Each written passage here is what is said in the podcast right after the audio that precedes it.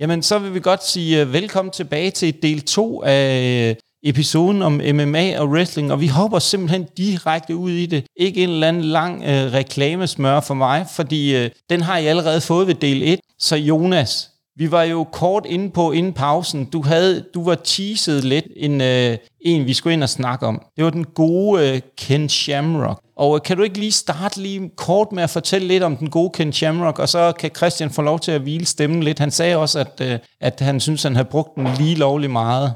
Hvilket jeg slet ikke forstår, fordi jeg synes ikke, så, så slemt var det da heller ikke. Altså, han snakkede da ikke mere end mig. Det kan da ikke være rigtigt, Jonas. For en øh, jomfru-rejse, som man selv siger, ikke? Altså, så, men øh, nej, det er fint, og det er også godt at, at have mig med i dag, jo, så jeg også lige kan komme lidt til, når Christian skal holde lidt øh, pause med sin stemme. Så, jamen, jamen, jeg ved ikke, synes du, han skal det egentlig? Altså, jeg synes, jeg synes faktisk, han har fået for lidt taletid. Synes du det? Ja, det synes jeg faktisk også. Jeg ved ikke, hvad. Ja. hvad synes du selv, Christian? Har du fundet lov til at sige nok? Ah, altså, man kan sige, at Jonas han gemmer sig i slagelse, ikke? Jeg kan stadig godt nå dig, hvis jeg ikke synes, at jeg skulle have sagt det, ikke? Men, øh, men nej, jeg, jeg vil sige, jeg, jeg synes, jeg er for rigelig, at skulle okay. have sagt det. Okay, det er godt. Det, det, det er vigtigt for os, vores gæster føler sig godt ved du, Ved du, ved du, hvad slagelse rimer på? Dumme slag? Nej, plagelse, som H.C. Andersen sagde dengang. Altså jeg vil sige, at jeg har engang boet i Slagelse. Jeg boede der i seks måneder som soldat i, i sin tid, og øh, jeg vil nok sige, at jeg, kunne ikke, øh, jeg kunne ikke komme hurtigt nok ud af byen til sidst. Øh. Kasernen, eller? Ej, jeg, jeg boede faktisk inde, på, øh, inde bag øh, McDonald's, og derude ved Bilka. Ikke så langt fra kasernen, men, øh, men nej, ja. jeg, var, jeg var soldat i Slagelse i fem år, så jeg har brugt min tid i Slagelse. Okay, vildt. Det er en god slagelse ting, eller det ved jeg så ikke, det er jo ikke så meget positivt. Nej, Jonas, nu, nu skal jeg du ikke... Jeg har faktisk engang stået i døren inde på den der Old Irish Pub inde på Schweizerpladsen, men det var ikke... Ja, uh... men den er der også stadigvæk. Ja, ja, ja, ja, men man holder fast i de gamle ting dernede. Har du smidt Jonas ud, egentlig? Uh, det er godt, hvad tid det var. Ja, det ja. tror jeg også. Altså, han, han er nogle gange aldrig, lidt flabet. Jeg er, aldrig, jeg er aldrig blevet smidt ud af en dør i Slagelse. Ja, okay, så var det igennem en dør, men det er noget helt andet.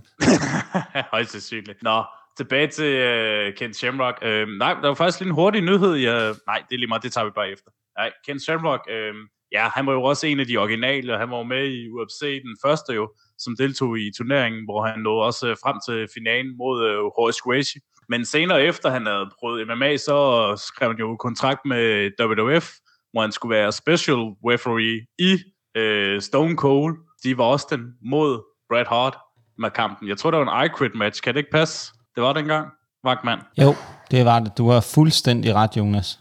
Ja, ja som også var hans øh, debut. Øh, men jeg tror også, det var også sådan også lidt interessant at se, kunne noget, men det vidste jo så, at han havde også selv været i professional wrestling, inden han skulle øh, til UFC og så videre til WF. Altså man må jo sige, manden har gjort det rigtig godt i øh, wrestling, og han har gjort det rigtig godt i øh, WWF. Altså, hvis man tager det hurtigt, de titler, han har vundet, Intercontinental-titlen, ikke? Altså, som for er ved at slå rekorden af forhåbentlig snart. Uh, tag Team øh, Champion med legendariske Big Boss Man, som vi husker jo dengang som barn. Jeg har haft en uh, figur af ham faktisk dengang, da jeg var lille. Jeg vidste dengang, hvad det var dengang, men jeg havde ham faktisk som figur dengang. Ved du, hvem jeg lige har fået fat i en figur af? Honky Tonk oh. Man.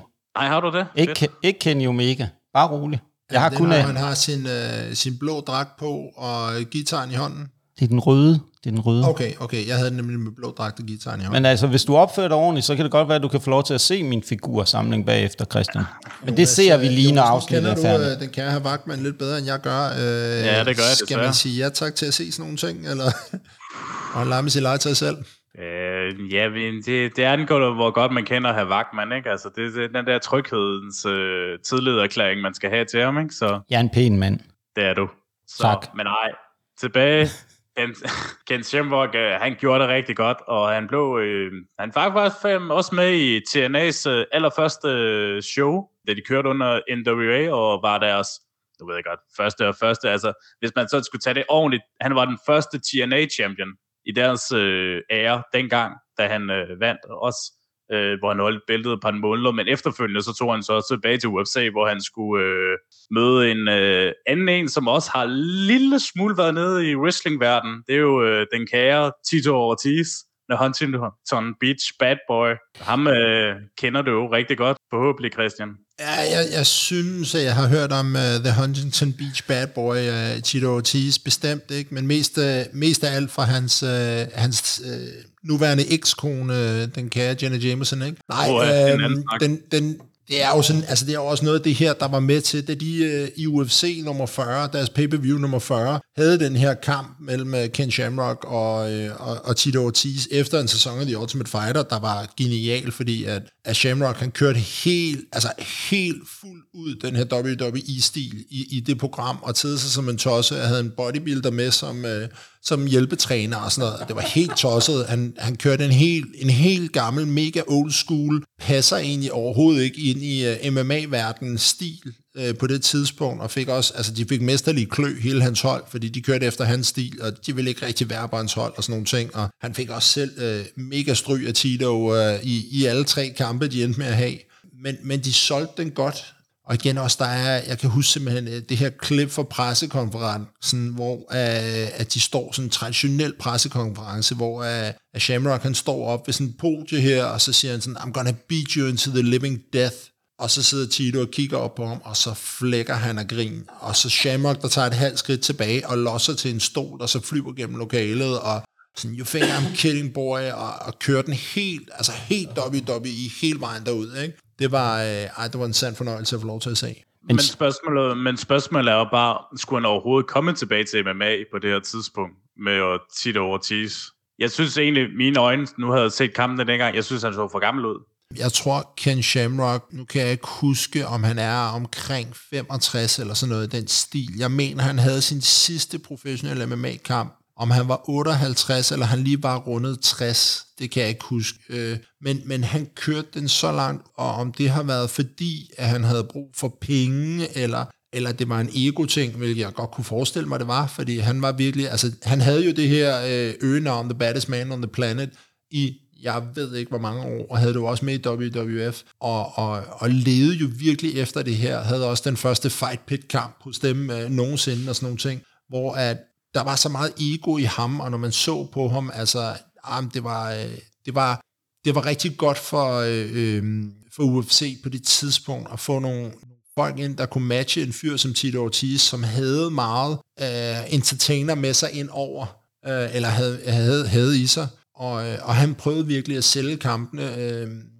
boksning gør stadigvæk, ikke? Øh, hvor der skulle ske noget. Han kommer også altid ind til stor pyroteknik og sådan nogle ting, og havde Limp til, øh, altså han kom ind til et hav af deres numre og sådan nogle ting, og var gode venner med Fred Durst for dem. Øh, jeg tror, den hedder Breaking Stuff, som de øh, lavede på et tidspunkt, som et ret stort hit, som var, egentlig var lavet til ham, og sådan nogle ting. Så der, der var en masse entertainment value i ham. Jamen altså, den gode Ken Shamrock var, jeg tror faktisk, det var the world's most dangerous man, han gik ja, under faktisk, i uh, ja, wrestling. Øh, og han var jo et, øh, på mange måder, han var farlig, øh, og den der fight pit kamp var jo på mange måder legendarisk. Og, men, men man kan jo også sige, at nu, nu har vi taget en af de sådan rigtig kendte, øh, Ken Shamrock. Der er nok en del af vores lytter forhåbentlig, der kan genkende til Ken Shamrock. Den næste, vi kaster os over, er jo en, der nok, som er PT wrestler, og vi, vi var jo kort ind og vende på, at øh, han havde visse, kan man sige, karakterbrist, den her type. Det var den gode Matt Riddle, eller The Original Bro, eller hvad han nu kalder. Øhm, han er jo som wrestler, kan man sige, Matt Riddle, er han ikke lige min kop te på nogen som helst måde. Jeg, jeg, jeg køber det ikke rigtigt. Han havde jo kæmpe run, øh, da han havde RK Bro med Randy Orton, som jo var eminent, for at sige det lige ud, til at få ham løftet op fra han, han havde rigtig svært ved den transition fra NXT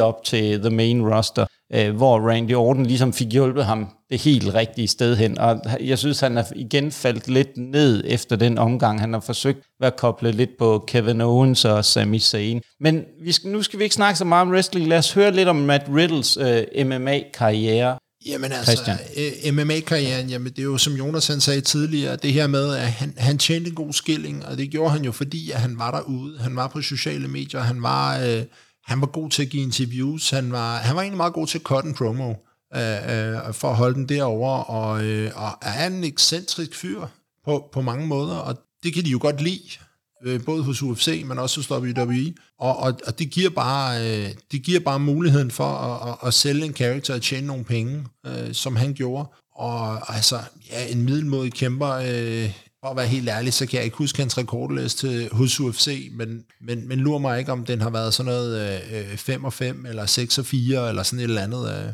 Den var faktisk 8, 3 og 2 med øh, no contest. Ja, og der har han så testet positiv for øh, øh, marijuana eller et eller andet den stil, ikke? På de jo. to no contest. Han, han er vist røget noget tobak, der ikke var helt lovligt. Og det, og, og det er jo det, der er så sjovt, fordi så kommer man her øh, små fem år efter, han er, han er stoppet hos UFC, og så er det fuldstændig legalt, ikke? Altså, så kan John Jones få lov til at slippe afsted med at have taget kokain i weekenden før, men så længe han ikke er påvirket på kampdagen, så, så er det egentlig tilladt nok, ikke? Øh, og det er jo sådan, altså, og det er jo bare, man skal være sin tid moden, og man skal være sit job moden, og man skal opføre sig som professionel, og hvis man får at vide, det må du ikke det der, så skal man ikke gøre det. Så simpelt er det.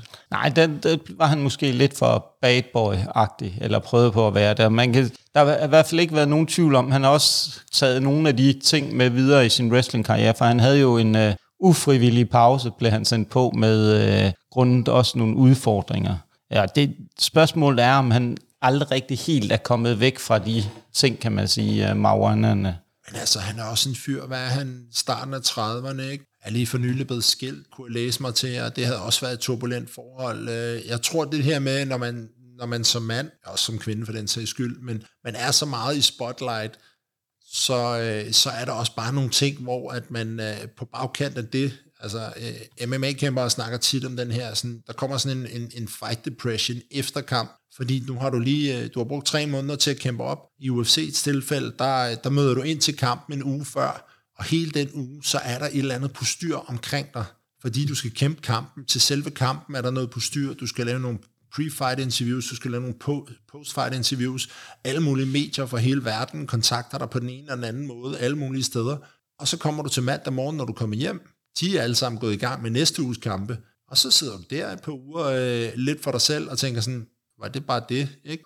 Altså, og, og sådan så er der mange, der ikke sikkert ikke kan håndtere det, og, og finde ud af, at ja, okay, men jeg kan stadig holde nogle ting kørende, og jeg er stadig gang i nogle ting, ikke? Jo, men, men det, er jo også, det var nok også det, der netop øh, har slået igennem med Matt Riddle, som du siger, de der karakterer, den der, han har svært ved at håndtere den der alenehed, den der tomhed, den der måde. Og sådan er det også i wrestling. Du er ikke på hver uge, du er ikke på øh, Raw eller SmackDown, og det kan godt være, at du ikke har været på så mange house shows eller andet. Så det er jo nok bare det, der er så sindssygt svært for dem.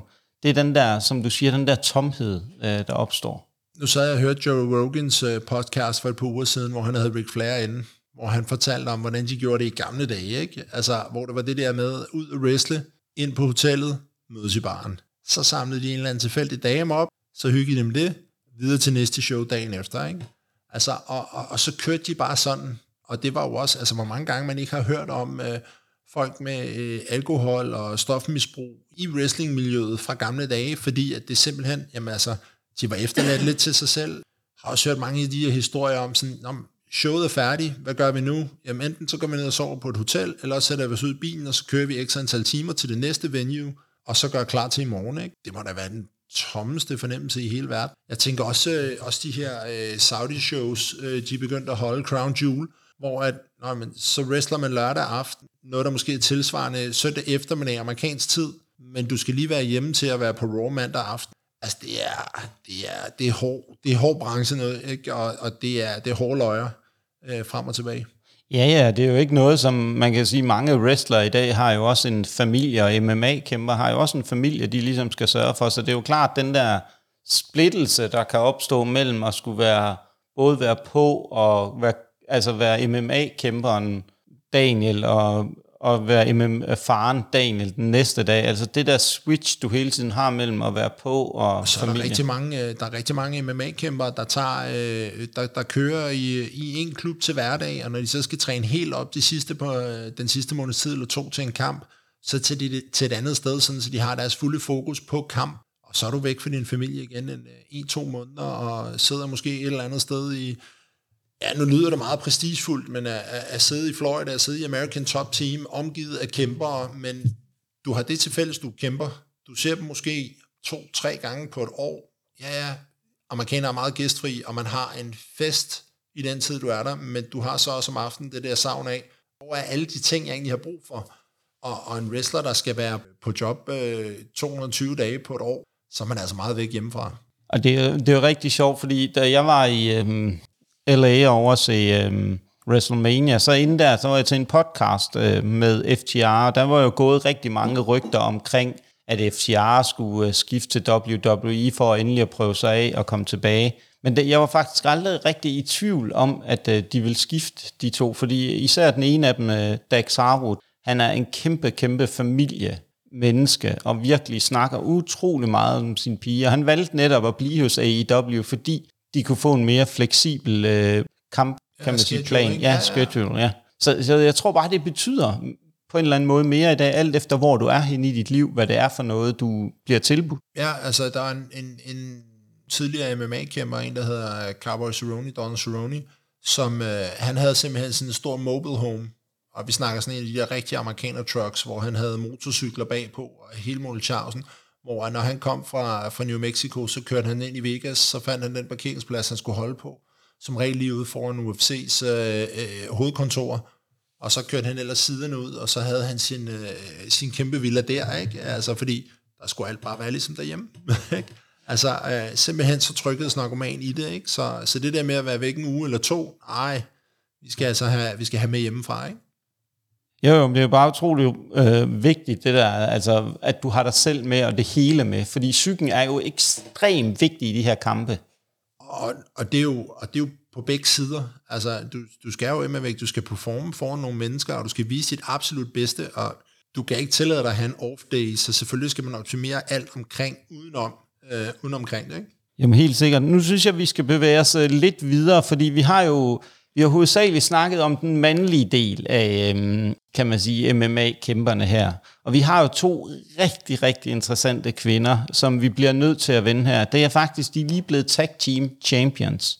Øh, Shayna Baszler kan vi starte med, og så tager vi Ronda Rousey bagefter. Men Kan du ikke fortælle os lidt om Shayna Baszler som MMA-kæmper?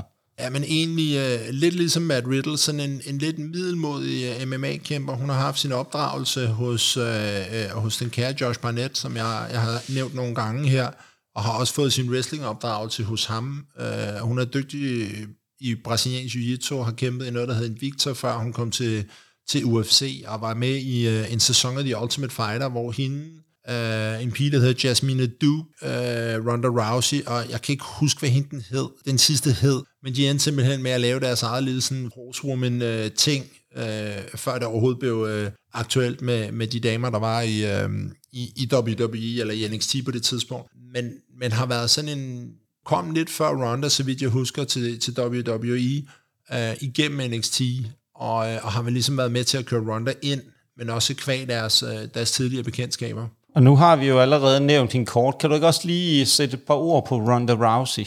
Og der får jeg jo så lov til at sige the baddest, og det var så the baddest woman on the planet, Ronda Rousey. Jamen altså, den her øh, amerikanske judokæmper, som var den første kvindelige øh, medaljetager i judo i, øh, i olympiaden i, jeg ved ikke hvor mange år. Og, og, øh, og hun fik øh, en tredje plads, og øh, faktisk kun overgået, tror jeg det er, hendes egen mor, som vandt guld i, i judo i, tilbage i start 80'erne, tror jeg det var. Men, men sådan en, en, en pige, der var rigtig god til at lave et hoftekast, og så direkte ned i en armbar, øh, altså en armlås. Og øh, det præsterede hun at gøre otte gange, før at der var nogen, der fandt ud af, at man kunne også andre ting med hende. Øh, og, og hun blev jo simpelthen kæmpestor superstjerne hos UFC altså meget, meget hurtigt. Hun kom også fra det her Strikeforce show, som vi, vi snakkede om før, hvor hun havde kæmpet et par kampe, og blandt andet kæmpet med en pige, der hedder Misha Tate, som øh, efterfølgende også har været øh, UFC-champ og sådan nogle ting, og sådan, øh, også en ret pæn pige, øh, hvor at, så kører man sådan lidt på det her øh, good-looking chicks, der kan slås, og, øh, og så, så kørte man de to op mod hinanden, og, og fik noget, noget, en fest ud af det, og altså hun tævede hende her Michelle Tate fuldstændig, og armbarede hende selvfølgelig også, for det var jo det, hun gjorde, Ronda Rousey. Og, og efterfølgende så mødte et par stykker, hvor at der har hun altså også fået ørerne i maskinen, fordi at hendes øh, opmærksomhed måske har været lidt mere på nogle andre ting. Men øh, Jonas, øh, kan du ikke også lige prøve at knytte lidt et par ord på de to, øh, Ronda Rousey og Shayna Baszler? Det skulle jo vel komme før, en, uh, at de blev tag team champions. så, men uh, nej, jeg synes, øh, at Ronda, hvis man tager det sådan i et wrestling-perspektiv, altså, jeg synes, hendes uh, første år gjorde en meget god, god opmærksomhed i forhold til også, at det var en god reklame for hende selv, men måske også MMA i verden, ikke? Men efter sådan, hun også er kommet tilbage igen, jeg ved ikke, vi har jo også diskuteret det mange gange, uh, Nikolaj, at jeg synes, vi, vi synes egentlig ikke, at Ronda har gjort det så godt på det sidste par år. Jeg synes, vi, hun har ikke leveret de der kampe, der skal til. Og synes, altså, vi glemmer godt nok aldrig den der kamp mellem uh, hende og Shitsi, som vi kalder hende jo efterhånden. Shotzi. Kan, kan, vi, altså, kan vi ikke lade være med at snakke om de kampe? Ej, sorry, sorry. Det var også så meget 2022 kamp, ikke? Så, jeg øh, tror det ikke, det er, jo, det, er jo, det er jo bare fordi, det er jo tydeligt at se, altså Ronda Rousey, ja. hun er kommet fra en verden, hvor hun var alt dominerende, og hun valgte alle sine kampe, og hun var, hun var toppen af poppen. Så hun kom i jo. WWE. Hun kan ikke rigtig finde ud af at levere en ordentlig promo man, man sælger hende på, at øh, hun laver det her med at skubbe øh, i sin tid øh, øh, Hunter Hurst op i, op i hjørnet og begynder at stå og lave det her boksning på ham, og så hoftekaster hun ham, og så laver hun en armbar på Stephanie McMahon og, og, og hjælper The Rock til WrestleMania og, og kører hele den her vinkel med, med Kurt Angle og sådan nogle ting, ikke? for simpelthen hele tiden at prøve at få hende over.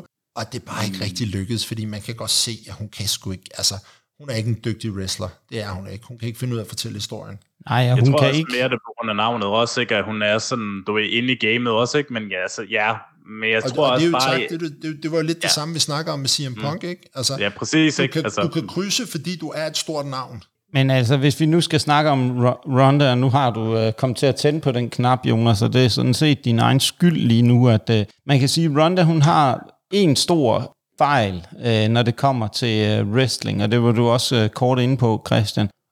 Hun kan jo finde ud af at lave en promo, og hvis du ikke kan finde ud af at lave en ordentlig promo i wrestling, så kommer du aldrig op til at blive den der superstjerne. Du skal kunne være sindssygt skarp på mikrofonen. Hellere være god på mikrofonen i wrestling, og så være en mindre god wrestler. Det kan være nok til at gøre dig til en øh, stor stjerne. I, øhm, I hvert fald, du kan selv se sådan en som Liv Morgan, som er ganske fornuftig på mikrofonen, altså wrestlingmæssigt, der er jo nogen, der synes, hun er helt fantastisk. Jeg har ikke set det endnu. Altså, hun, hun er jo på vej derop til at blive en kæmpe stor stjerne. Nu blev hun så desværre skadet, så... Øh, men der er jo mange ting af de der, og det er jo netop den der udfordring med, altså forstå transition, forstå den sports gren eller kampsport, som jeg vist kaldte det i introen. Du kommer over til, hvad er det, der gælder? Hvad er det, de uskrevne regler er? Hvad er det, der skal til for at gøre dig til en stor stjerne? For det er ikke nok i dag bare at være dygtig. Så skal du være ekstremt dygtig. Bret Hart var nok en af de sidste, der for alvor viste, at han var ikke den bedste til promo, men han var så sublim en wrestler teknisk, at bare sad og tabte kæben gang på gang på gang, når han lavede noget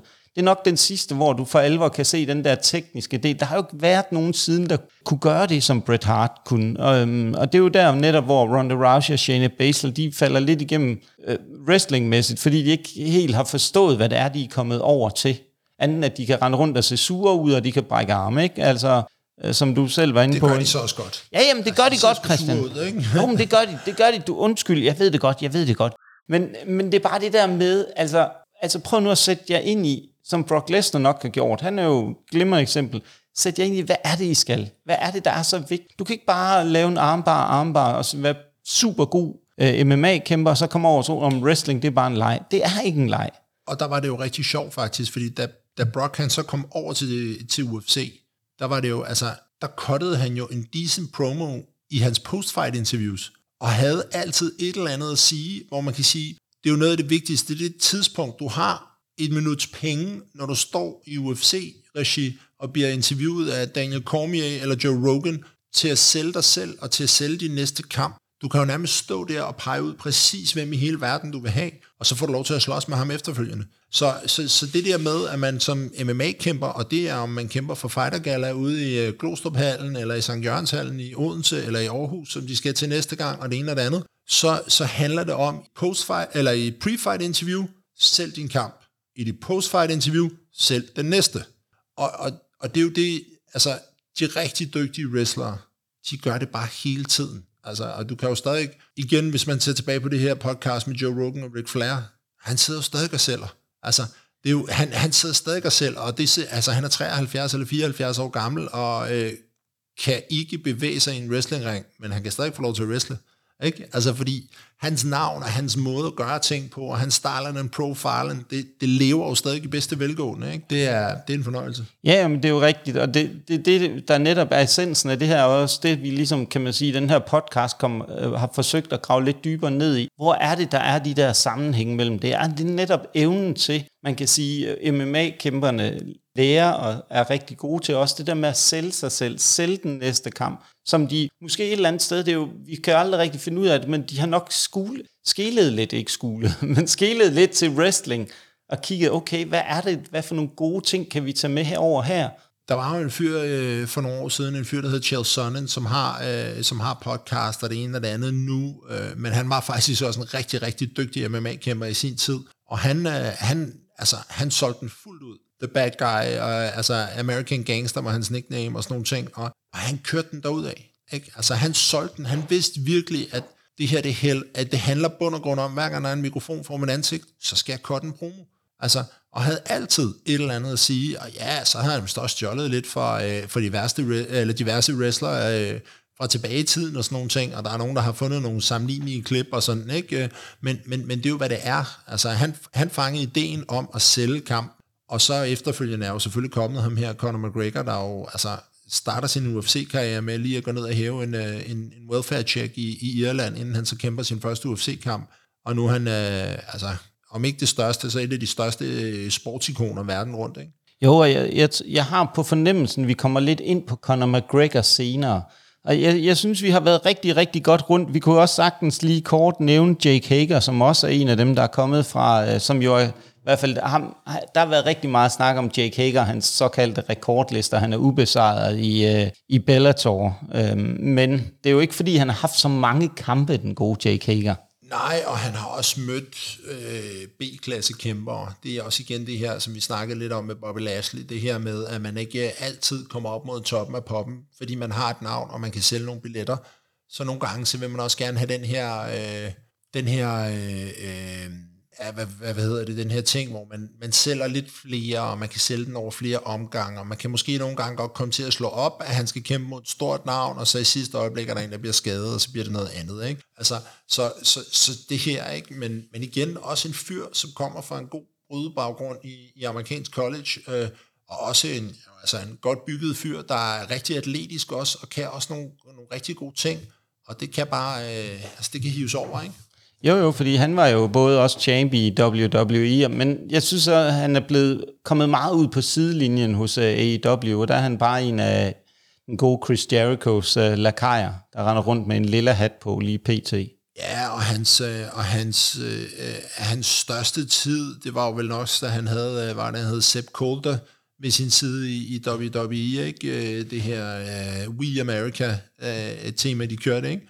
Så, øh, så det tror jeg, altså han er, ikke, han er måske heller ikke den bedste på en mikrofon selv, øh, og, og har det måske bedre, hvis, øh, hvis der står en manager ved siden af ham og, og sælger varen. Ej, jeg vil sige, at han har kottet nogle seriøst gode øh, promoer i AEW. Altså for eksempel, han er meget kendt for den der I Like This Hat. Den er super god. Okay, det, jeg ved ikke, om du er ironisk lige nu. Det ser lidt sådan ud med den her, i kørende. Nej, ja, det, det var en lille smule ironi, ja. Christian. Bare en lille smule. Men som jeg fortalte dig, før vi gik i gang i aften, altså jeg, jeg sad og så det her Lucha Underground, øh, de fire sæsoner af det, der var, hvor de jo kørte det som den her meksikanske sæbeopera. Der var han også med ind over i, øh, i den ene af sæsonerne.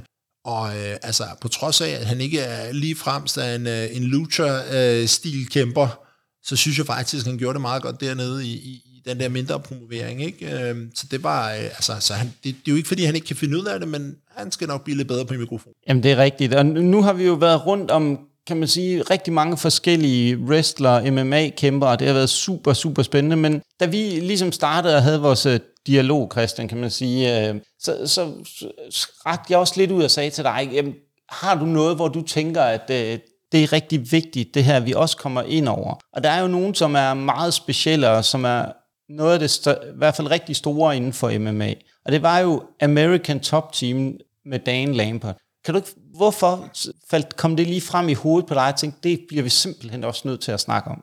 Ja, men det er jo simpelthen fordi, at de AEW lavede sådan en fraktion, deres egen fraktion, og deres egen, de prøvede at indtage AEW, og, og ham her, altså dem, dem, der ikke kender Dan Lambert, han er en sindssyg rigmand nede fra Florida, som har bygget, jeg, jeg kan ikke helt huske, hvad det er, han egentlig har, øh, har tjent alle sine penge på, øh, men man har det her American Top Team, som er et af de største øh, MMA-hold, om man vil, i verden, og har nogle af de aller, allerbedste kæmpere, der kommer ind forbi dem og træner, øh, og har øh, Junior Dos Santos, som også er med inden over AEW, tidligere UFC-champ, Andrea Lovski, tidligere UFC-champ, der har været med inden over Paige Van Zandt, som jo er champ af OnlyFans. Og, øh, og, en ganske og køn kvinde, om må jeg sige. Hun ser så bedre ud med blod i hele hovedet, men det er jo, det er jo sådan noget okay. helt andet. Det, det, det er noget, okay. man kan finde på nettet, ikke? Jo, okay. Øh, jamen, det... Og hendes mand, og Austin Mandefort, som øh, har kæmpet om bæltet Bellator øh, i mellemvægtsdivisionen, og, og et hav af andre fyre, der har været inde over. I øvrigt også den camp, øh, Bobby Lashley faktisk startede ud i, da han, øh, da han gjorde sig i MMA. Ikke? Så det er, altså, de skulle så lige pludselig lave det her indtog, og, og han skulle lige vise hele verden, at han også kunne eje det, og sådan nogle ting. Og, og det er jo meget sjovt. Altså, jeg synes, det er en meget sjov lille gimmick at smide ind over. Jamen, Jonas, har du noget, du vil tilføje i forhold til den uh, American Top Team vinkel? Jeg synes egentlig faktisk, det er sådan en godt uh, boost i det, men jeg var, var sådan lidt, at det var lidt kopieret lidt, fordi uh, Impact Wrestling, de havde faktisk også et uh, storyline omkring uh, American Top Team, inden at de overhovedet kom til AEW, men ja, det var også involveret Bobby Lashley, da han var derover og nogle øh, andre, jeg tror faktisk, Stephen Bonner, han var tag team øh, partner med ham, hvor de skulle så imod øh, en, der hedder King Mo, og jeg kan simpelthen ikke lige huske, hvem den sidste var. King Mo, Ellers... som var, øh, han var, han var rigtig stort øh, MMA-navn også en, en periode, og kæmpede også i, øh, i, i, i de mindre organisationer, og kæmpede i Japan noget, noget tid, og kæmpede faktisk også i Bellator. Øh, en rigtig dygtig fyr også, ja. Også en, som havde lidt øh, rivaler ting med Rampage Jackson også, i Bellator-dagene også. Ja, det er øhm, i hvert fald. Men nej, umiddelbart tilbage til AEW, så synes jeg også bare, at det gav lidt en frisk pus, fordi jeg skal med lov for, at Ander Lambert, han kunne lave en promo, altså, og også til bare, at han fik publikum imod sig. Det var jo, ah, jamen jeg synes nærmest, det var underholdning hver eneste gang, han skulle sige noget, ikke? Altså også fordi, at man kan lige tillade sig at sige så mange gode bandeord i det, ikke? Altså at få crowded med sig, det synes jeg også bare mega fedt. Altså jeg kunne godt have forestillet mig en som øh, uh, Colby Covington, hvis han var der, i American Top Team på det tidspunkt, at øh, han med med at få noget heat, ikke? Altså, hvis du også ser fighters, der var Jorge Mascadrol også, og som du også nævnte, nævnt, øh, Orlovski og Dos øh, Santos, og, og tror faktisk også, der var nogle lidt Bellator-kæmper, som ikke lige er så kendte igen, men øh, ellers synes jeg bare, at det var meget underholdende. Altså, læg en god boost. Jeg savner faktisk Andrew Lappert, jeg ved ikke hvorfor. Ja, så var der også en der Page Van Zandt. Jo, jo, men øh, der, der er gået lidt rygter. Der var faktisk lidt øh, nyheder med en, at øh, hun skulle faktisk træne med ham, som øh, kommer til Danmark om ikke så længe, øh, Gangrel, men han har ikke hørt fra hende. Så. Ja, jeg, jeg så ellers, hun var i gang med at tage en, øh, en pæn billedserie med den gode Mandy, øh, Mandy Rose. Jeg, jeg, tror, jeg tror, at hendes oprigtige intention var, at hun gerne ville lave noget i wrestling for at promovere sig selv endnu mere så ja. tror jeg bare, det har taget ekstrem overhånd med, hvor mange penge hun egentlig tjener på det OnlyFans øh, stats der, ikke? Altså, og, og det, det kan man vel ikke det samme med Maddie Rose for den sags skyld, ikke? Altså, blev den første kvinde, der tjente en million dollars på en uge, tror jeg det var, på, på en af de der sider, ikke? Så, så, så kan man godt forstå, at de der wrestlingkarriere lige pludselig bliver sat lidt i baggrunden, hvis man bare skal tage nogle billeder af sin tonede krop. Der skal bare ikke meget til. Du siger noget der, Christian. Altså, jeg tænker ikke umiddelbart, at der er nogen af os tre, der laver øh, en million dollars på en uge på at lave en OnlyFans, men... Øh, altså. Ej, jeg vil sige, at jeg har gode muligheder. Jeg synes, jeg er rimelig skarp form, hvis jeg selv skal sige det. Var det den der Danish Destroyer, du mente? Eller? Det er rigtigt. Det, men øh, du skal, ikke, nu skal du ikke sidde og afsløre alt, fordi at... Øh, jeg synes, jeg siger en Danish, det er et vinerbrød, er det ikke? Så det er den, du ødelægger, eller hvordan? Ja, men præcis, præcis. Altså, jeg har spist en del vinerbrød, Christian, så man kan jo sige, at det er, Danish, der har destroyed min krop, hvis man nu skulle sige det på den måde. Og du måde. har destroyed noget Danish. Ja, på og det, det havde jeg. Det, det er en ordspil, Christian, ikke? Altså, ordspil, ordspil, Vi leger ordspil. med det. Vi leger med han det. Kan godt tåle, han kan godt tåle det. Det virker ja, sådan. Ja, måske, måske, måske. Jeg, jeg kommer ikke til at gå øh, grædende i seng i hvert fald. Men nu skal vi jo til noget, som jeg har glædet mig rigtig, rigtig meget til. Vi har snakket, nu har vi været rigtig internationalt, vi har været rundt i alle mulige afkroge af forskellige spændende pro- promotions, både MMA og wrestling. Men der var jo også det som øh, noget andet, vi skal jo snakke om den danske vinkel. Selvfølgelig skal vi det. Det skal vi. Vi har jo, øh, vi har jo nogen, øh, der har været omkring det. Og hvis vi starter med øh, den gode Nicolas Dalby, han har ja. jo faktisk haft en, øh, været special enforcer i Body Slam. Ja, præcis. Ikke? Øh, de kørte en lille vinkel, hvor han, øh, han var med ind over i en periode, hvor han, øh, han synes, det var vildt fedt at, at, få lov til at gå ind over, ind over det. Og, altså, så vidt jeg husker, og jeg har set på sociale medier, så var han også lidt i ringen og fik lov til at lave et high kick eller to, ikke? som jo er noget af hans trademark. Så, så ja, han har været inde over. Det har han helt sikkert. Og øhm, så har vi også en, der faktisk stadigvæk kæmper øh, i wrestling, er aktiv. Den gode Carlos øh, Samoa som ja, jo også har præcis. været MMA-kæmper. Ja, The Iceman, uh, Mr. Paradise, uh, kald ham nu, hvad man nu, en, uh, nu engang uh, gerne vil. Men uh, nej, han gør det rigtig, rigtig flot, og uh, jeg kan ikke huske, hvad er det for en organisation, han er inde i, men uh, jeg har da set på sociale medier, han er i hvert fald er champion, uh, en, af, en af de danske uh, promoveringer. Det er Nordic Elite Wrestling. Øhm, faktisk rigtig, rigtig spændende promotion, øhm, der er på vej frem, og det der faktisk er super, super godt ved Nordic Elite, det er, at de får bygget nogle gode storylines op til wrestlerne, så det ikke bare er one match uh, wonder og så videre. Uh, og der har de ligesom været med til at rykke ved noget ved nogle af de andre også, som er i hvert fald begyndt at kigge på, hvad Nordic Elite Wrestling er, fordi de har super god succes med det.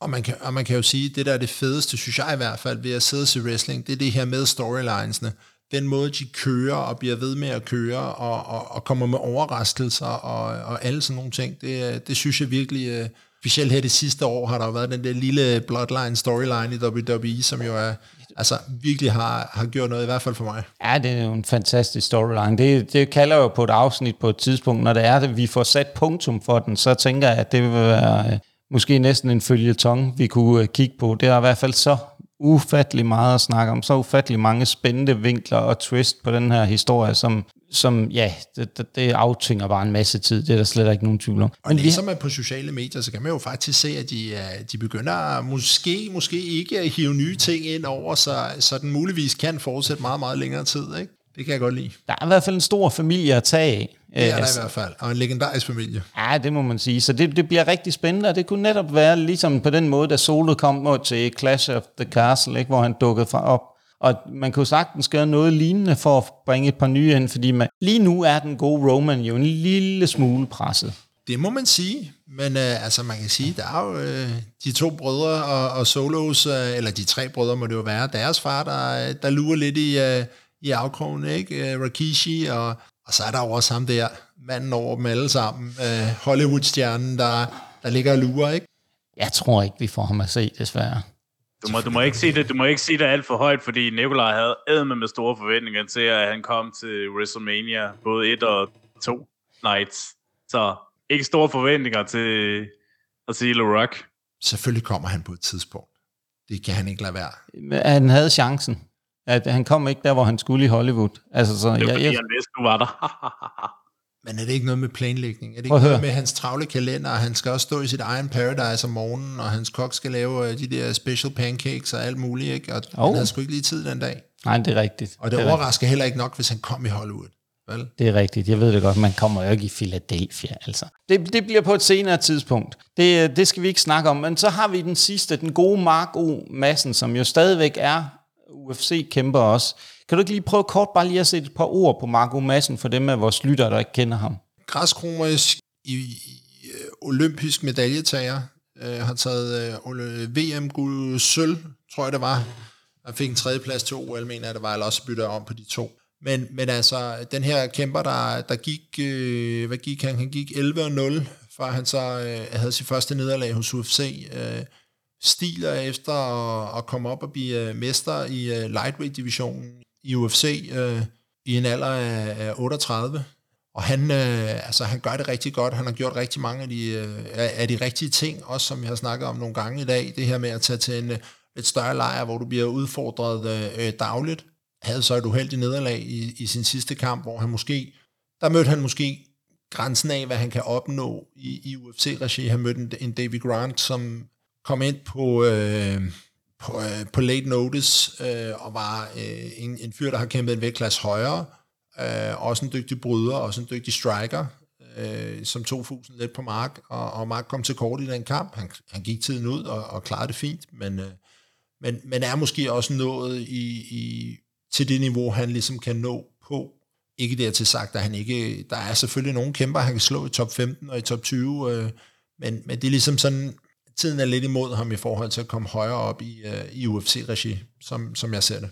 Ja, han startede øh, jo i hvert fald, som du selv er inde på, scenen, men han har jo også haft en enkelt kamp mod den gode Chaos, øh, Kim Tenning, den gode Marco Madsen. Det var jeg faktisk ikke klar over, hvis jeg skal være helt ærlig. Øh, ja, det, det var jeg ikke klar over. Nej, nej, men det er også det, er også det fordi at øh, hvis vi kom til at nævne det, havde Kim med, så, kom, altså, så havde podcasten var 4-5 timer, øhm, hvis det var, at vi skulle høre om den kamp, og hvordan han skulle fortælle om den. Men jo, så vi har jo ikke rigtig flere øh, af den del, kan man sige. Øhm, jeg ved ikke om, øh, Jonas, du har lige noget, du vil tilføje i forhold til den danske vinkel.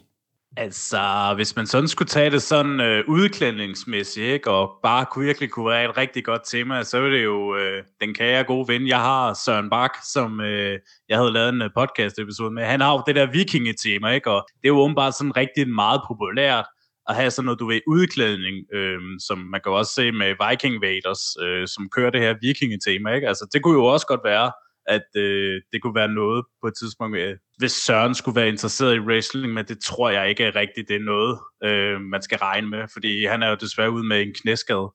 Altså, så. han kommer jo fra en brydebaggrund, kan man sige. Men han kommer fra en brydebaggrund, den, ja. Den kære True Viking, øh, som jo er hans nickname. Og han er jo en af de få, der får lov til at tage til udlandet øh, i, øh, hvad der med økse i tasken i en flyver, yes. så det øh, har jeg lavet mig fortælle, ikke? Så det, øh, ej, det er en sjov lille historie. Ikke? men han laver også de der real entrance til Bellator, hvor han får lov til det. Øh, I UFC, der får du slet ikke det set overhovedet. De skal bare ind med deres øh, uniformer. Og, og det, er jo det, det er jo det, man kan sige, at er det knap så fede ved UFC nu, kontra øh, i gamle dage. Altså, øh, hvor uh, en, blandt andet en Tito Ortiz, han mødte uh, Chuck Liddell for, for mange, mange år siden, hvor han kommer ind, og der er bål og brand og 20 meter høje flammer inde i den her arena og sådan nogle ting. Uh, og, og man havde det meget i gamle dage i Pride, den, uh, den uh, japanske version af, af UFC, uh, hvor det var kæmpe store entréer og, og sådan noget, og det var mega fedt. Jeg tror bare, at UFC har fundet frem til, at når de så endelig gør det, altså Sinead O'Connor stod og sang Conor McGregor ind til en af hans kampe og sådan nogle ting, ikke? Uh, hvor hun stod op på toppen af, af, det, af entrance, hvor de gik ind, men, men det er lavet simpelthen, det er lavet så meget til det amerikanske øh, tv-publikum, at, at entrancen, jeg tror ikke, det er særligt tit, at amerikanerne faktisk ser entrance, selve entrance, øh, fordi at du står derude som kæmper, så får du et kamera i hovedet, så har du sådan cirka 30 sekunder til at gå ned til buret, så skal du lige øh, røre sig en dommer, fordi han skal tjekke, om du har vaseline eller et eller andet på kroppen, og tjekke, om du har klippet din negle, og så bliver du ellers sat ind i buret, og så begynder showet egentlig. Og det passer kan... sådan meget godt med et, et minuts penges pause til, til amerikansk tv. Men kan du sådan lidt savne lidt, at de laver sådan noget entrance i uh, øh, UFC, eller koncentrerer du bare mere om selve kamp? Nej, jeg savner det. Uh, jeg savner det, fordi det er sådan en, uh, altså, uh, det kick, det giver, at Bruce Buffer, han står og råber øh, hvem du er ind i hovedet på dig, op i buret. Det giver, at du bare bliver ekstra fyret op. Min kamp i Hamburg, da jeg kommer ind til, øh, til hele den her crowd, der virkelig er op at køre, det giver et ekstra energiboost. Øh, mine to kampe i Brasilien, hvor de hang ud over reglingerne og råbte det her famøse U vamos her, som jo betyder, at jeg slår, vi slår dig ihjel. Altså, det giver også noget, ikke? Men, men lidt den anden vej, ikke? Øh, men, men nej, altså der skal der, der skal der være bål og brag, og der skal helst være øh, flammer og, og, og ild, ikke? Altså det giver, det giver noget særligt. Altså jeg kan huske, jeg kan stadigvæk lige så tydeligt huske øh, Bret Hart mod øh, øh, Shawn Michaels, deres øh, Ironman match, hvor han kommer flyvende ned op fra øh, i, i Haywire der, ikke? Hvor han bare kommer kørende ned i den der, og det var jo ikke fordi, som sådan er det jo faktisk ikke noget sådan helt vildt specielt, det er jo bare en mand, der sidder på en, øh, en øh, sådan en, ikke?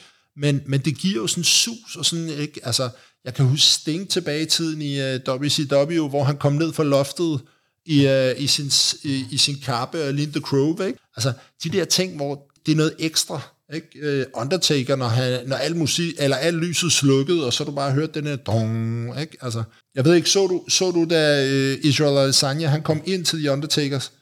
Uh, det var for sindssygt. Jeg tænker også, hvad fanden har de gang i? Men det var også bare sjovt, da både Vince og Triple H og de andre i WWE, de havde lige lavet jo Money in the Bank, og så skulle de, de lige over til hovedkampen. Ja. ja, præcis. Jeg tænker også bare, hold da op, og hvor der bare står uh, Jared Comermiers, uh, den der krukke der. Altså, jeg tænkte bare, jeg fik virkelig wrestling-vibe der. Og Easy havde jo snakket med Mark Calloway før, og havde fået lov til det, ikke? Og, øh, og, øh, og hvad det hedder, altså han havde, han havde fået hans nummer, og han havde ringet til ham, og de havde siddet og snakket, og han ville gerne lave det her. Og der var jo ikke et eneste menneske i den arena, der var i tvivl om, hvad der skete, da de hørte det der dong.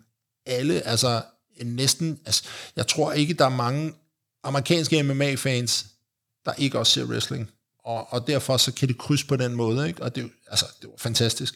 Og det leder os jo rigtig meget hen til den næste ting, vi skal snakke om. Fordi nu skal vi jo til at lege. Nu skal vi jo lege, øh, eller hvad man nu kan kalde det. Nu skal vi til at prøve at nide lidt på krystalkuglen, kigge lidt ud i fremtiden og sige, nu skal vi prøve hver især at tage en MMA, nuværende MMA-kæmper, det begrænser mig en smule, kan jeg afsløre, som vi kunne godt se i wrestling i fremtiden. Øhm, og der tænker jeg, at jeg starter, fordi det er det nemmeste.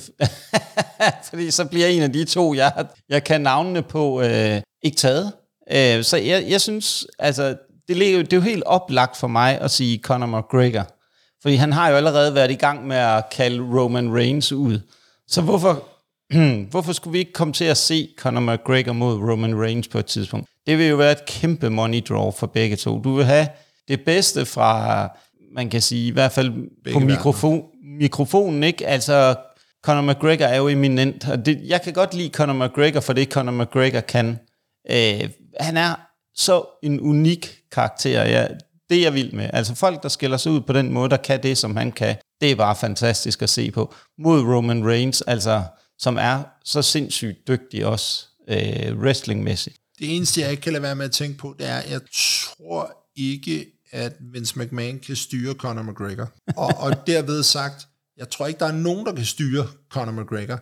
Så jeg er ikke sikker på, at altså, hans incitament for at ville øh, gå wrestlingvejen, ser jeg ikke. Ja, øhm, jeg tænker det mere som one match off. Ja, eller Floyd mod Big Show i sin ja. tid. Ja, nej, det, det, det, altså, der er jo ikke nogen tvivl om, det kunne være sjovt. Ja, det er og også vi har det. Også set, vi har også set en Tyson Fury, der har teaset den ja. nogle gange, og det, det, det er jo sådan noget, der kunne være mega underholdende. Præcis. Vi så så Ken Velasquez gå ind og lave et par kampe, og lave en rivaliseringskamp mod Brock Lesnar i sin tid, der endte sådan lidt, jo bare lidt mærkeligt. Ja. Jeg synes også, jeg har set nogle kampe, hvor han har, han har kæmpet Lucha Libre-style, hvor han faktisk har gjort det ret godt. Øh, øh, Ken Velasquez, der jo så efter sine har stået lidt i lære hos uh, Rey Mysterio. Så, så han kan af de der ting. Men, men jeg, jeg ved ikke, Conor McGregor, jeg tror bare, jeg tror han lige nu er han i gang med en sæson, eller de er lige filmet færdig en sæson af The Ultimate Fighter, så, og han, han snakker hele tiden om, at han gerne tilbage til MMA-verdenen. Han har teaset lidt for bare boxing, for at det ikke skal være løgn, fordi at, at han var til et event for dem for nogle, øh, en måneds tid siden, og, og hoppede i ringen med et bælte over skulderen og sådan nogle ting. Ikke? Så, så jeg tror, der sker rigtig mange ting i Conor McGregors verden. Vil det være fedt at se? Ja. Og vil det være underholdende at se øh, promoturen på det? Mega. Ja, de ikke? to. Altså, det vil være rigtig underholdende, ikke? Øh, det vil det, uden tvivl. Jamen, øh, så synes jeg allerede, at vi kommer hen til øh, Jonas. Så skal du få lov til at komme med den næste.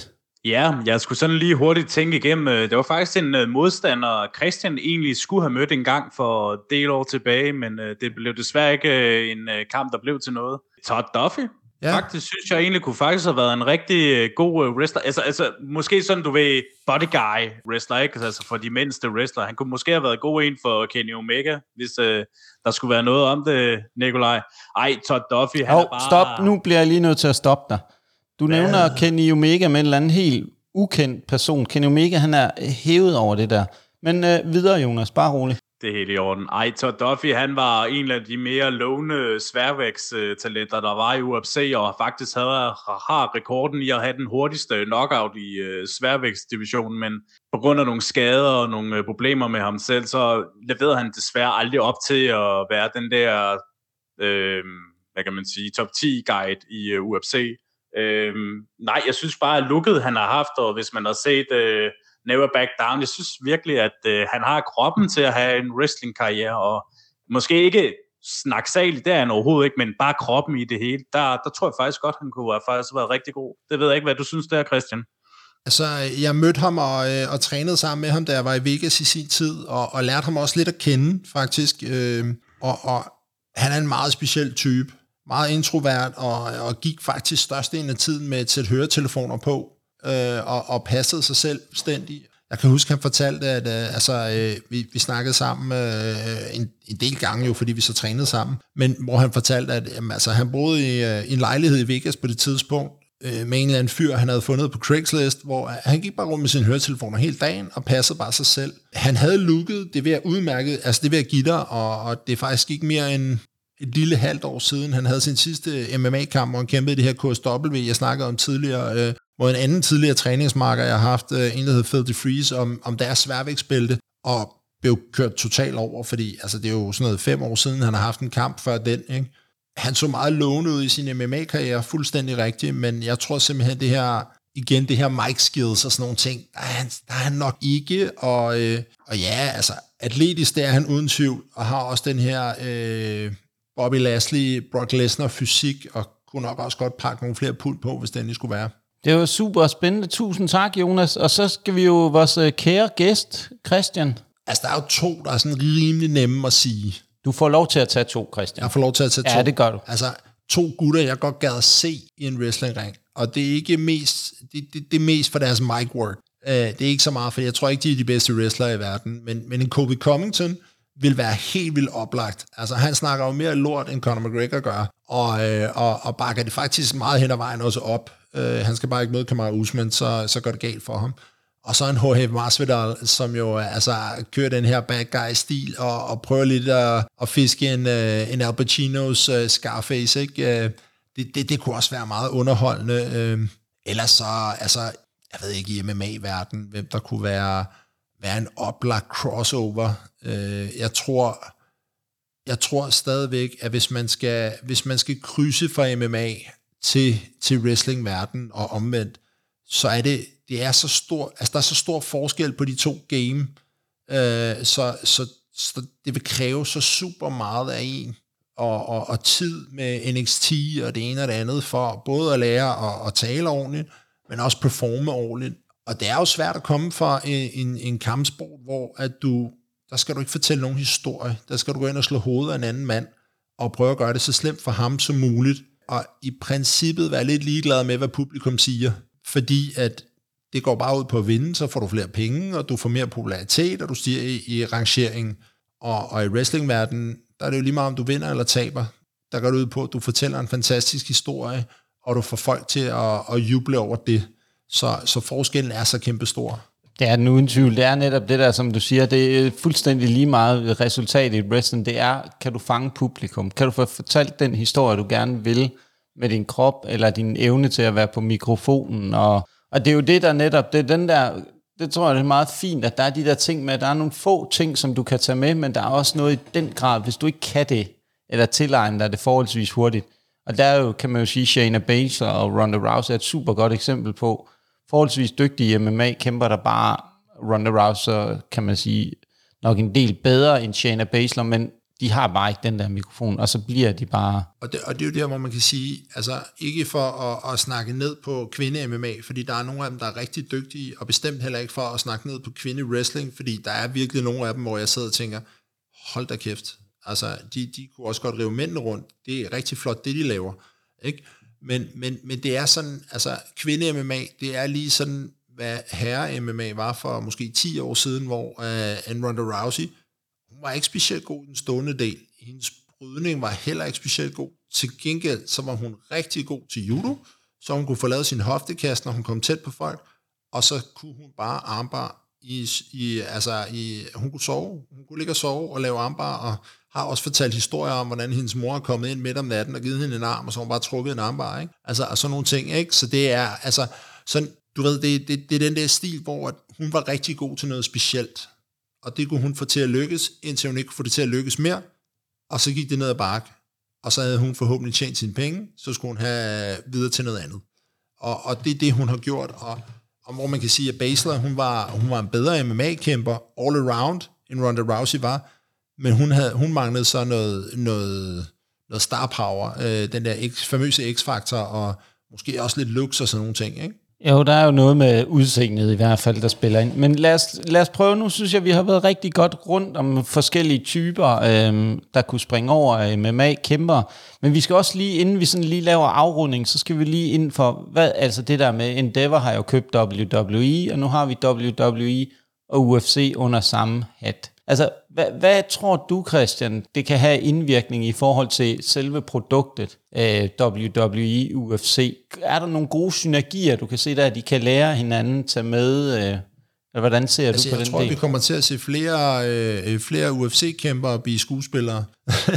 nej, nej, øh, ej, spøg til side. Jeg tror, jeg tror, hvis de gør sig rigtig, rigtig fornuftigt, så kører de de to selskaber helt separat. Og de holder nok også en, en god afstand mellem hinanden. Jeg ved godt, at marketingsmaskinen, der kan man promovere på omkring samme måde, om det er en UFC-kamp, en stor pay-per-view, eller det er et stort øh, WWE-event. Men jeg tror, man skal holde øh, aktørerne adskilt, fordi er der noget, der ikke måske i MMA-verdenen, så er det, at folk begynder at sætte, sætte spørgsmålstegn til og tvivl på, hvor ægte kampen er. Der var problemer med det i Japan i gamle dage. Der har lige øh, en, en, en fyr, der hed James Crouch, som var, øh, jeg tror, hans rekord for, at han var træner og, og kæmper hos UFC. Han havde, jeg tror, det var sådan noget 8 på et fightcard af 13, der havde han 8 kæmper på fightcardet, så han var i hjørnet hver, nærmest hver anden kamp, ikke? Og, øh, og han er lige blevet knaldet for at have ved på an, egne kæmper øh, og, øh, og modkæmperne og medkæmperne og alt muligt, og er blevet bandlyst for alt MMA-sport øh, i, i USA, og kæmper, der, hvad det hedder, har haft noget med ham at gøre, har fået at vide, enten så finder I en ny træner med det samme, eller også så cutter vi også jer. Fordi vi kan slet ikke altså, tage så meget afstand som muligt for det. Og hvis man begynder at blande tingene, så, så kan man nok ikke. Altså, jeg kunne godt forestille mig en, en, en, en UFC-kæmper eller to, måske komme over og lave en aller Tyson Fury. Lave en appearance til noget WWE. Men, men den anden vej, så bliver det Altså, der tror jeg, det tætteste, vi kommer på, det er den famøse Undertaker, der står og kigger på øh, Brock Lesnar, når han kommer ud, ud af buret og siger, you wanna do it? Ikke? Uh, altså, den, den, den er sgu legendarisk, ikke? Men, men ellers ikke. Uh, så tror jeg, de skal holde sig fra hinanden. Jonas, øh, har du nogle ting, du vil tilføje i forhold til den del af det? Den eventuel synergi, eller hvordan det skal håndteres af Endeavor? Altså, jeg tror også godt, det kunne være meget interessant at se, hvordan den her udvikling kommer til at foregå. Altså, jeg kunne faktisk også godt forestille mig, måske, hvis nogle øh, af dem i WWE kunne være lidt trætte af at dyrke professional wrestling, at de måske prøver MMA, ikke? Altså, men ikke fordi jeg har nogle tanker, men det kunne godt være en mulighed i forhold til, hvis de måske prøvede Contender Series eller Ultimate Fighter, bare for at måske starte dem stille og roligt ud, øh, i stedet for at de lige går direkte ind til MMA, fordi igen, vi så en simpel god en som uh, øh, CM Punk, som bliver, bliver kastet for løven. Pepsi King. Altså, Pepsi King, når vi snakker om Pepsi, ikke? Så, men nej, jeg synes bare, måske det er en nemmere måde at gøre det på, altså i forhold til, hvis de skal ind i en uh, sport, som er rigtig hårdt, hvor man træner hårdt, og ja, skal forvente, at man får lidt mere tæsk, end man gør i wrestling, ikke? Altså, det kan også godt være, og til det modsatte, altså, så kan det også godt være, dem, der er mindre øh, kendte i UFC jo kan få en chance for pro wrestling, altså hvis de har overhovedet talentet til det jo. Altså, og det er det eneste, det hele handler om. Det er, altså, hvor, hvor, hvor hurtigt vil de samle noget op. Man kan sige, der er altså, superatleter inden for begge sportsgrene. Og, og, og det kan være, der kan være noget crossover der. Jeg tænker også, der må også være en del af de her WWE-gutter, der, øh, der jævnligt træner kickboxing, brasiliansk jiu-jitsu, øh, øh det ene og det andet. Altså, vi så Undertaker lave nogle forskellige sådan halve versioner af, hvad man ville gøre rigtigt Brock og hans Kimura øh, her på det seneste, ikke? Uha, ja. Nu, nu prikker du lige til en ting, og det er en ting, vi godt vi har diskuteret det lidt. Vi så jo uh, den gode Cody Rhodes til det seneste. Den der Kimura-lock, kan man besvime af den? Altså, så skal du besvime af smerte, men umiddelbart må du brække din øh, overarmsknogle, før du besvimer af smerte i... Og, jeg, jeg kan ikke rigtig se, hvordan man skulle sige med det, fordi du, du stopper ikke noget blodtilførsel, du stopper ikke noget lufttilførsel, så der er ikke, så, der er ikke, så skulle det være, fordi du besvimede af smerte. Tak, Christian. Nu fik du lige opklaret uh, en af de ting, vi har diskuteret lidt for tidligere. Og Nikolaj, hvis du gerne vil se en god eksempel, så se Frank Mir mod Big Knock, Antonio Nagara, fordi der har du en god eksempel på det. Ja, ja, men jeg, jeg tænker, at, øh, jeg tænker, at øh, Christian måske laver en Kamura-log på mig her bagefter. Jeg skal med glæde vise den frem. Ja, ja, men det, ja, ja. det, det, det kan være, det Husk bliver lige, det, de, husk lige at optage det, ikke? Husk Det lige at optage det. det bliver det de der Ellers fraklip. ikke, og ellers ikke, hvis I vil se en rigtig god Kimura, nu bliver jeg nødt til at stikke til ham, for nu har jeg chancen for det. Den kerne ikke Barnø, vi snakker om hans podcast her tidligere, ikke? Ja, Første præcis. gang vi mødtes i en kamp, ikke? der lavede jeg en fin Kimura på ham, som han blev nødt til at give op. Okay. Nej, Okay, vildt. Ja, ja, det er så også øh, 15 plus år siden, ikke? Jo, men det, det, vi hænger os ikke i de der detaljer. Nej, nej, det er bare noget med år. Vi, det, det er lige meget. Du har lavet... Øh, jeg hørte også lidt, at Nick han stak lidt til dig, så jeg synes også, det er... Øh, Ja, det er jo fordi, han engang har vundet en MMA-kamp over mig, men hvem, hvem kan huske fem år tilbage? jamen, det, det, det tror jeg ikke. Det, det findes ikke. Nej. Det snakker vi ikke om. Øhm, det der med, hvem der har Ja, været... du og sad rek- ude i arenaen og, under, og var totalt underholdt af hele showet, og vi skal også lige det, huske at sige, det er nærmest den, øh, det er faktisk den MMA-kamp i Danmark, der er blevet set af allerflest tilskuere og sådan nogle ting. 100%, og det er også og den det største kamp. kamp, uden tvivl, i dansk historie, for vi var bare begge to over 115 kilo. Ja, ja. Så øh, Nå, jeg troede, var- du mente, at det var den største, sådan, øh, mest eftertragtede kamp. Jeg tænkte ikke sådan nej, en nej, nej, større- nej, nej, bare rent fysisk. Nå, okay, okay, okay. Nå, jeg, jeg tænkte... Nej, det andet var så også... Øh, jamen, det må det også have været, ikke, Christian? Det må også have været den største kamp, man kunne lave i... Øh, Og faktisk, for det jo ikke skal være løgn, så bliver vi lige nødt til at nævne, nu er, nu har jeg holdt mig lidt i skinnet hele Okay. aftenen, ikke? men der var jo wrestling i lidt over den kamp. For det var jo Mr. Pay-Per-View, der, øh, der stod PPW, der stod, øh, eller PPV, der stod ja. derinde og, og, og announcede os den aften, den kære Paul Rost. Uha, uha, uha. Ja, men der har været noget glans over det. Det kunne godt være, at man kunne tænke det igen, at de kunne mødes i en wrestlingring. Det tror jeg ikke. Altså nu, øh, nu mødes vi i skolen i hvert Ja. fald her på, øh, på mandag, så, øh, så må vi lige diskutere, om det er noget, vi det- skal lave der. Jamen, det kunne være, at du skulle foreslå ja. ham, fordi så kan du ligesom få mulighed for at få sat en streg over det der. Og der tænker jeg, at det er oplagt, at du er ældst, og det er dig, der Ja, så vinder. tænker jeg, det må blive noget sten, saks, papir ja. Om, hvem der vinder den. Ja, ja, ja, ja, jeg godt, sætter mine penge jeg på tror dig. Godt, vi kan lave, jeg tror godt, vi kunne lave noget sjovt, hvis det endelig var. Ja, ja, men ja. det kunne faktisk være meget sjovt. Det, det kunne godt være en lille opfordring, Nick Barnø, hvis du sidder herude og lytter med. Vi kan jo være heldige, at... Jeg øh, garanterer dig for, at han hører det her show, fordi han ved, at jeg nok skulle nævne hans navn. Og øh, så, så er det faktisk en stående udfordring nu fra Christian Colombo til en øh, wrestling match. Øhm, så øh, tør du, Nick, så, øh, så vil jeg gerne hjælpe der videre til den rigtige promotion. Det kunne godt være i øh, Nordic Elite Wrestling. Ja, så har vi jo de der forskellige danske promoveringer. Så må I jo også lige øh, på banen med, hvem, øh, hvem vi skal have lidt hjælp af, fordi der, er- der er ja. nok lige et par på wrestling moves, der skal, der skal køres, øh, køres af, og vi lige skal sættes helt Bare- ind i. Bare, bare se om også, han har jo klaret det meget godt, jo. Ja, ja, ja. Nu, nu, nu skal vi ikke snakke om Christian. Han er kun, hvad var det, 6-5? Eller du sagde? 6-5, ja, ja, præcis. Se, jeg hører Ej, jeg faktisk tænker, lidt jeg efter. tænker, altså nu er jeg jo vokset op med, med Hogan, ikke? så øh, jeg kan da godt lave et, øh, et, øh, et frontspark, skulle jeg til at sige, et leg drop, ikke? Body slam. Ja, det er rigtigt. Ja, ja, men Nick han er heller ikke så stor, vel? Ellers laver jeg et atomic bulk drop, ligesom ja. Yokozuna. Det øh, Eller en spi- spinning pile driver. tvivler jeg på. Men, Som men. En ting er i hvert fald stensikker. Jeg gider godt at lave chokeslam på Nick Barnø.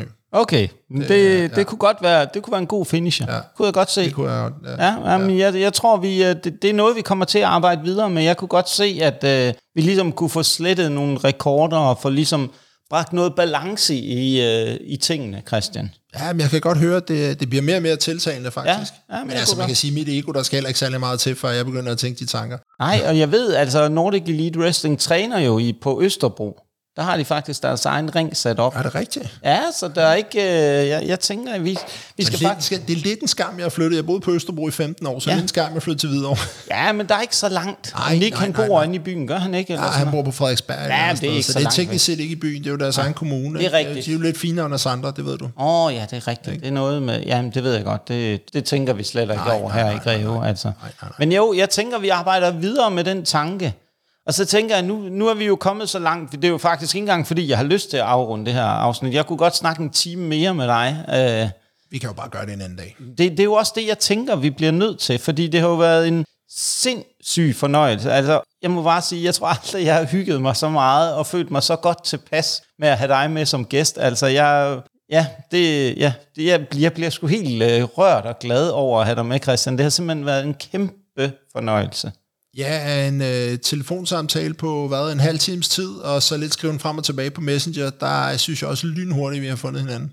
Ja, men det er jo det. Altså, jeg, jeg har faktisk noget nu, når vi lægger på, inden uh, vi smider Jonas væk. Han skal nok snart i seng. Du er jo stadigvæk i gang med eksamens... Uh, læsning, Nå, jo, Jonas. Det er først om øh, næste fredag, Ja, ja, jeg skal men op i historie, så... Du skal jo også huske på, den læresætning, jeg altid brugt, øh, den, øh, som jeg altid har drillet nogen med, det var, at eksamen, det er den dygtige elevs øh, festdag. Det er også rigtigt. Hvad hedder det? Ja. Vagtmand, jeg har lige noget at sige Ja. hurtigt. Ja, Meget selvfølgelig. Kort. Hvis I lytter er interesseret i Marvel, så har jeg gæstet øh, Vincent Koyos øh, Marvel-podcast, der hedder Giga F, og den hedder Giga F, hvor vi har snakket lidt omkring Marvel-universet. Øh, der kommer en lidt episoder, øh, hist og pist, øh, hver uge, så hvis I er interesseret i Marvel-verden, så lyt til den. Jamen øh, Jonas, så må vi bare sige, at øh, til alle jer lyttere, der er derude, det, vi er super glade, fordi I lytter med. Og øh, så kan vi også bare sige, at husk nu, at jer, der også sidder derude, som er MMA-fans, det er super, super vigtigt, at I støtter op om MMA og tager ud og ser MMA-shows live. Fordi ligesom vi også altid opfordrer til, at wrestling skal ses live, så må vi også bare sige, at MMA skal også ses live. Så øh, tak Christian Colombo, det var en fornøjelse. Og Jonas Holm, tak fordi du øh, tog tid til at være min, øh, min øh, hvad kan man sige, øh, hvad skal man kalde det? Side, side Nej, jeg vil ikke engang kalde det sidekick. Jeg vil nok Hvorfor kalde det ikke min, øh, min øh, støtte, fordi at det, jeg var jo lidt på gyngende grund med det her øh, MMA-noget, så øh, inden vi øh, slutter, så må vi bare sige tusind tak til alle jer, der lytter med. Husk nu, MMA og wrestling skal ses live.